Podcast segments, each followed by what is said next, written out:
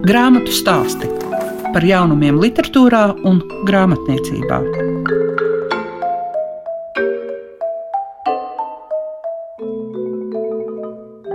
Šīs dienas grāmatu stāsti, lai ir veltīti lībiešu mantojuma gadam. Tas ir 2023. gadam. Un tajā ir norisinājušies daudz dažādi interesanti procesi, arī kas saistīti ar jaunizdotām grāmatām, un par divām no tām arī šodien pastāstīšu. Baiba Šūcāne ir uzrakstījusi grāmatu, kas balstīta uz mammas Valdes Marijas Šūcānas dienas grāmatu pierakstiem saistībā ar lībiešu dziesmu ansambli Līvlista. Bet vispirms iepazīsim grāmatu, kurai nosaukums tas Mālderis.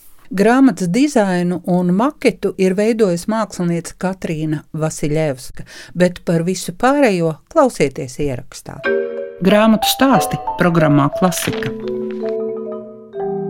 Jā, 2023. gadā pie lasītājiem nonāk ļoti interesants grāmatas, kas saistītas ar lībiešiem. Un šī gadījumā es teikšu Jānis Belte, un viņu raksturojot ir dzinieks, teicējs un rakstītājs. Un grāmatai dotais nosaukums ir Tas Malders, un Renāta Blumberga atklās, ar ko tad tas sākās. Kāpēc mums ir jāzina, kas ir Jānis Belte? Jānis Belte ir īpašs cilvēks. Viņš būtu īpašs cilvēks arī latviešiem, bet tā kā viņš ir lībijams, tad viņš ir ļoti, ļoti īpašs cilvēks lībiešiem. Visu mūžu strādājis, gadījumu darbus, sities strādājot pie šīs grāmatas, sapratu, ka tā viņa kaislība, zīmēšana, gleznošana, māksla, ka tas ir tas, kas ir gājis tā kā caurvījies viņa dzīvei, kas nebija pārāk gara.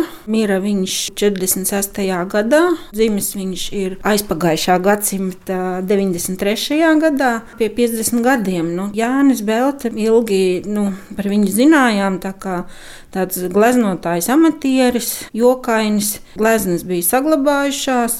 Tad Jāņa Veltes personībai pieķērās grafiķe un dzēniece Baiva Damberga un nolēma, ka viņa grib uzrakstīt garstāstu tālnieku izloksnē par Beltes dzīvi. Nu, jau tie būs kādi gadi 20 atpakaļ. Vienīgais cilvēks, kas bija nopietni pieķēries Jāņa Beltes dzīvē, bija viņa ieprecētā radiniece Ženija Belte, bet viņa arī to sāka darīt 70. Eh, gadu beigās, 80. gados. Ženija nu, nebija ne izglītota vēsturniece, ne, ne muzejnieks. Ne muzejnieks, ne tā, bet nu, viņai interesēja noskaidrot Jāņa Beltas dzīves gaitas. Jānis Belts ir no Lūžņas ciema. Lūžņā viņš ir dzīvojis līdz Pirmam pasaules karam, kad viņu iesauca armijā. Pēc tam viņš arī atgriezās ciemā, pēc tam viņš ir dzīvojis Mazirbē, Rīgā, Ķemeros, Ventspilī. Bībelī un mūža pēdējos gadus Liepājā. Ženija Belte izprašņāja. Jūrmalā bija palikuši cilvēki, vai kāds tur kaut ko atcerās Lūžņā, bija braukusi uz Liepāju.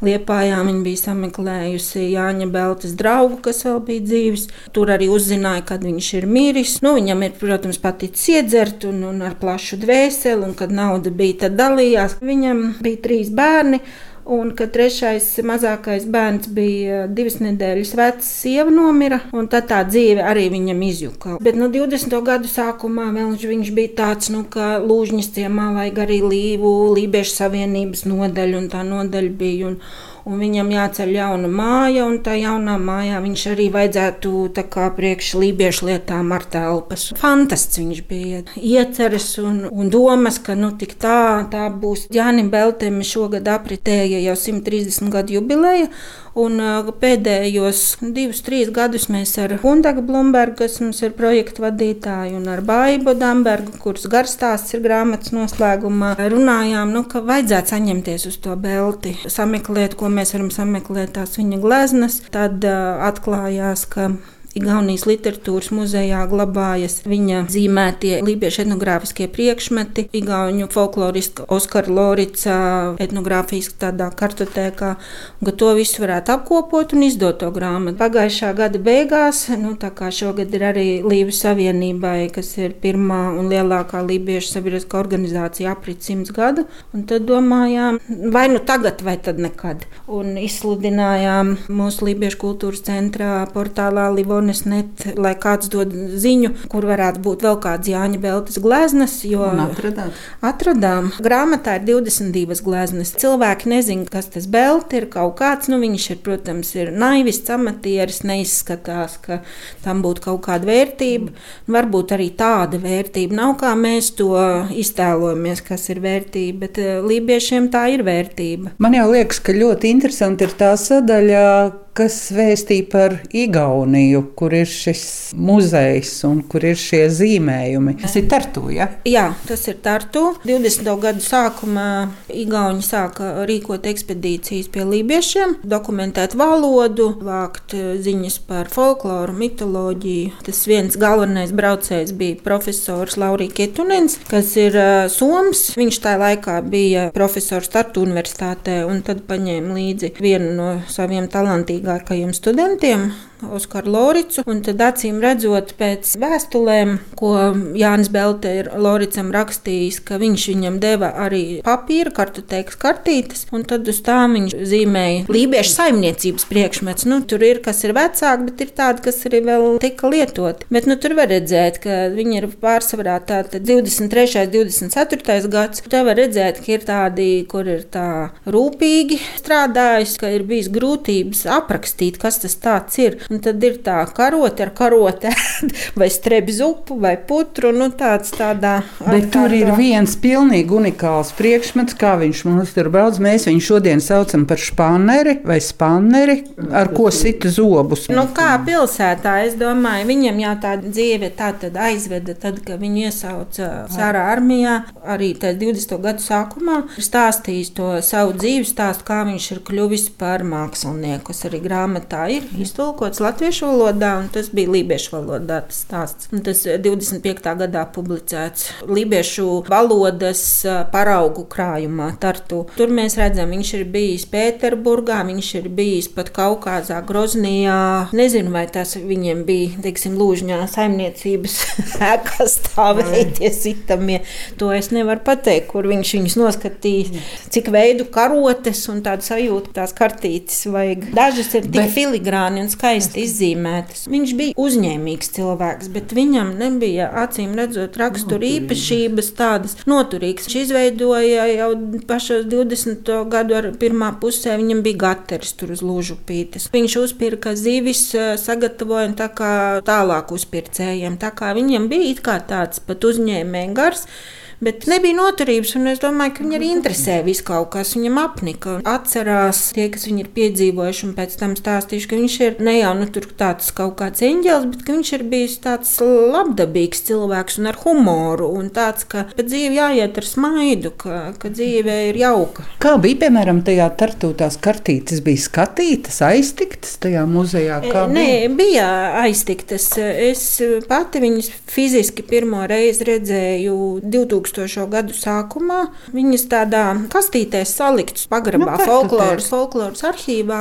Tad jau arī bija citi laiki, kad nebija elektroniskie katalogi. Un, ja tev kāds nepasaka, ka tur tajā pagrabā kaut kas ir, tu nevari izskatīt visus pasaules pagrabus, visos arhīvos, nezinot, nu, tik specifisku lietu nevar sameklēt. Un vēlāk um, viņiem bija uztaisīts projekts, man liekas, ka Igaunijas Lībiešu draugu biedrība. Tur jau nav tikai belti, tur vienīgi ir beltam, ir skaisti zīmējumi. Tur ir vēl arī daži citi lībieši, kas ir mēģinājuši ar uzzīmēt kādus tos priekšmetus. Un, un liela daļa tur ir Lorica pierakstīta uz kartītēm. Tiešām nu, vārdiņi, terminoloģija un, un tas zīmējums lasīja ārā, jo viņi jau nebija tā pa kārtai salikti. Viņi izkaisīti mm -hmm. tā kā pēc alfabēta tur kārtotas tās kastītes. Tad viņas bija ieskenētas, bet eh, viņas eh, nav nu, nekur tā brīvā pieejā. -hmm. Man bija tāds darba variants, kur es varēju tās kartītes skatīties.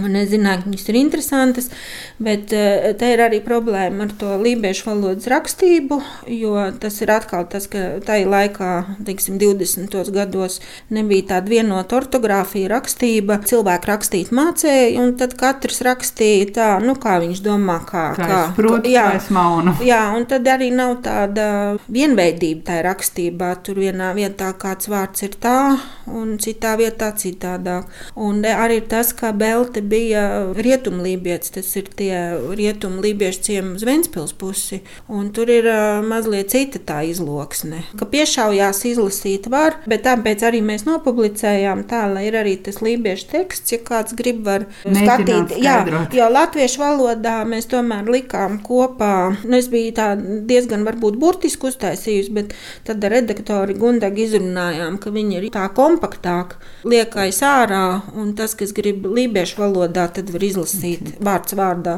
jo viņi nav literāri noslīpēti tie teksti lībiešu valodā. Vai tā ir tā tāda leģenda, ka visi lībieši agrākos laikos esot rakstījuši dzējoļus? Jā, un nē, drīzāk nē, bet daudzi rakstīja. Tas nenozīmē, ka viņi bija dzējnieki. Viņi bija dzējdari. Dzējdari vai...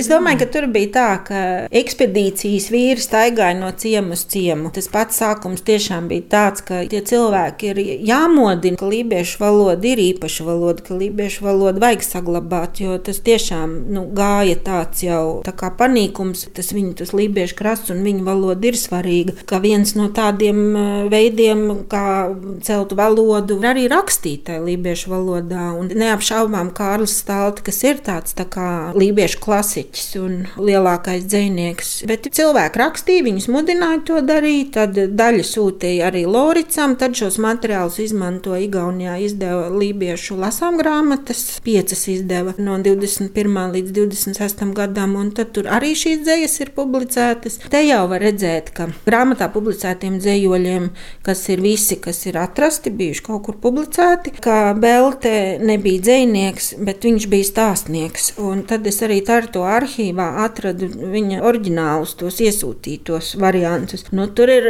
redaktors ir kārtīgi strādājis, lai ir tā beigu versija, kas ir pēc tam lībiešu literatūrā publicēta. Bet atkal tas piederās pie tā beltes personības, pie tā laika. Baiba ir arī brīnišķīgi atzējojas tāmnieku mēlē. Viņi ir jauki, nu, tādi pantiņi. Un tas būtu, manuprāt, noziegums izmest šo daļu ārā. Jo arī jau tie avīžu raksti, jau arī es domāju, ka tur ir avīzes redaktors ir kārtīgi pastrādājis, lai tie teksti būtu nu, tādi, kā viņi ir. Jo to arī pēc tā tiešām, eh, kā viņš raksta lībiešu valodā, to jūt, nu, ka tā nav trenēta skolas valoda, kur te ir skolotājs mācījis pieturzīmes. Bet arī, ja tā padomā, cik tad arī ir kaut vai tie paši jau latviešos cilvēki, kas rakstā tā, ka var saprast tekstu un ka ir gramatiski pareizi uzrakstīts. Mūsdienās. Mūsdienās. Grāmatu stāsti tiem, kam grāmatu lasīšana ir vērtība. Es pienākšu jums blakus un teikšu, ka gaisa līvu dziesma debesīs un baiva šūcāne grāmatas atvēršanas dienā ir tik daudziem parakstījusies. Jau ir mammas grāmata, līvu listu un visu to vēsturi. O, šai gadījumā tā vēsture ļoti personīgi skan man, jo es no 72. gadā būdam blakus mammai, faktiski bija arī, nu, es nedziedāju līvlisti, bet faktiski es esmu visus šos gadus bijis kopā un man, man tā nav sveša tēma, mana tēma, arī mans lībiskās identitātes izaugšanas stāsts. Jo 70. gadiem nu, es pat varbūt nezināju, nu, neteiksim, nezināju, bet nenojautu neko par lībisko. Līdz ar to man vienkārši tas, ka mammai šie materiāli ir un, un, un labi, ka viņas var publicēt un laist pasaulē, jo līblistam ir ļoti liela nozīme tajos gados, tad, kad vispār par lībiešiem nerunāja, kā viņi izcēla ne no kurienes šo lībisko, vismaz muzikālo mantojumu, kaut kādu kopību brīvības sajūta. Un pamazām, pamazām, pamazām lūk, tas ir izaudzis jau līdz šodien, un bez tāda līvlista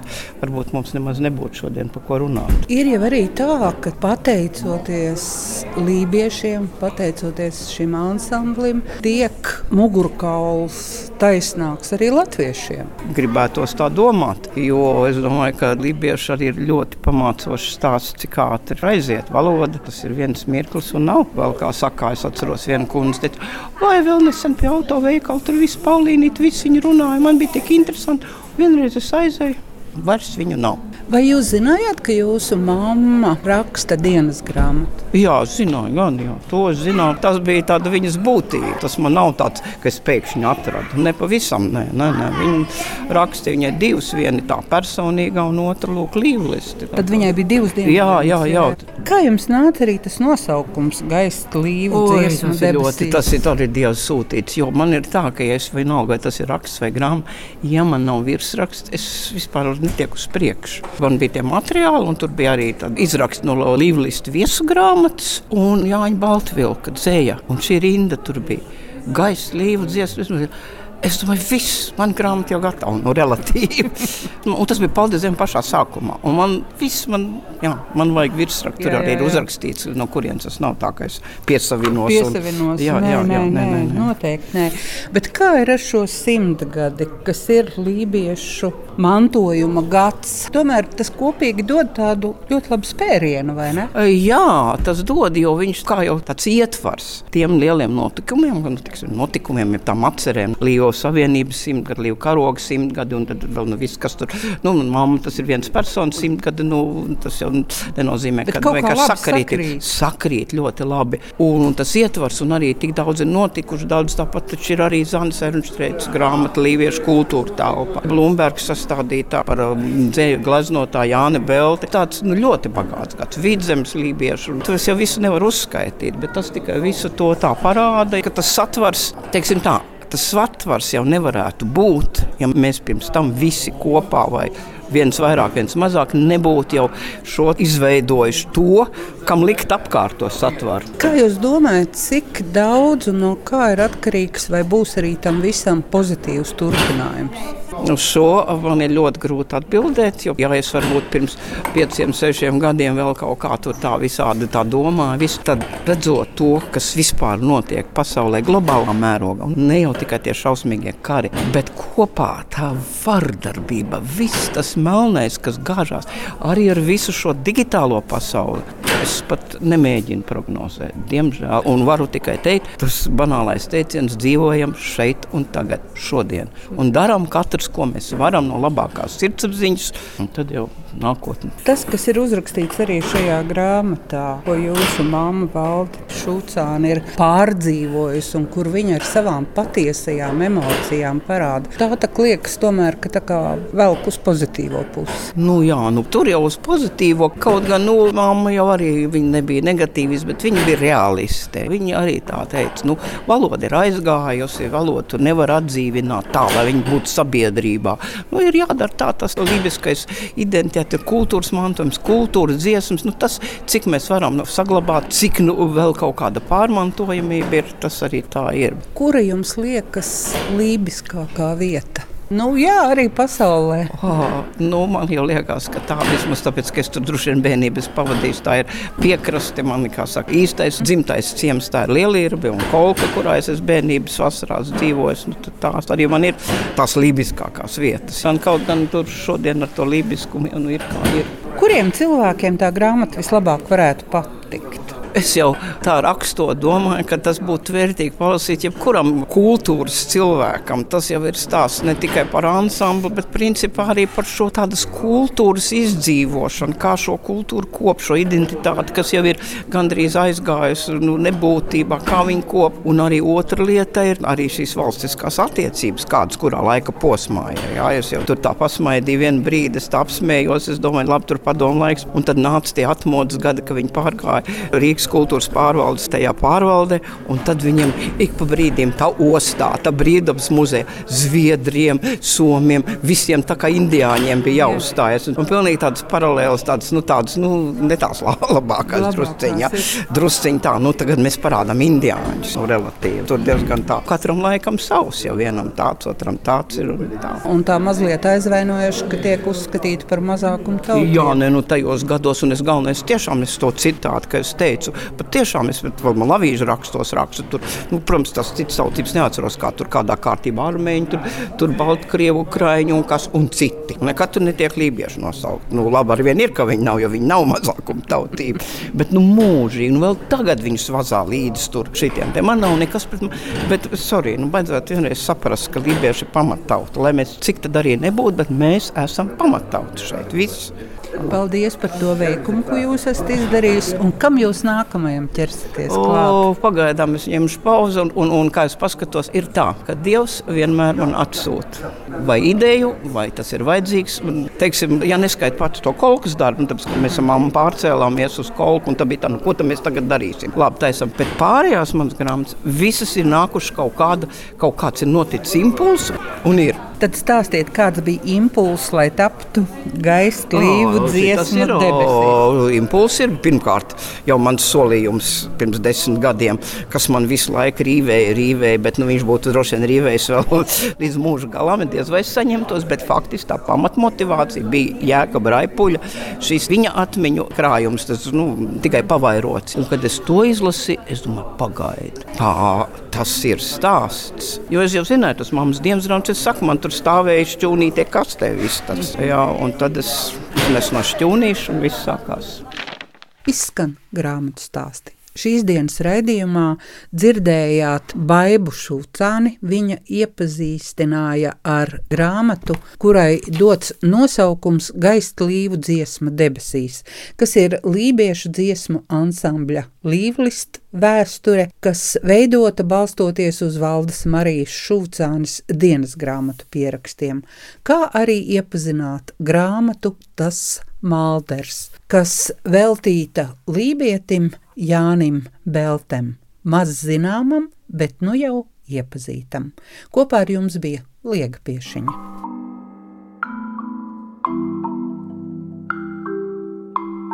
Grāmatu stāsti par jaunumiem literatūrā un grāmatniecībā ik trešdienu, 9.5.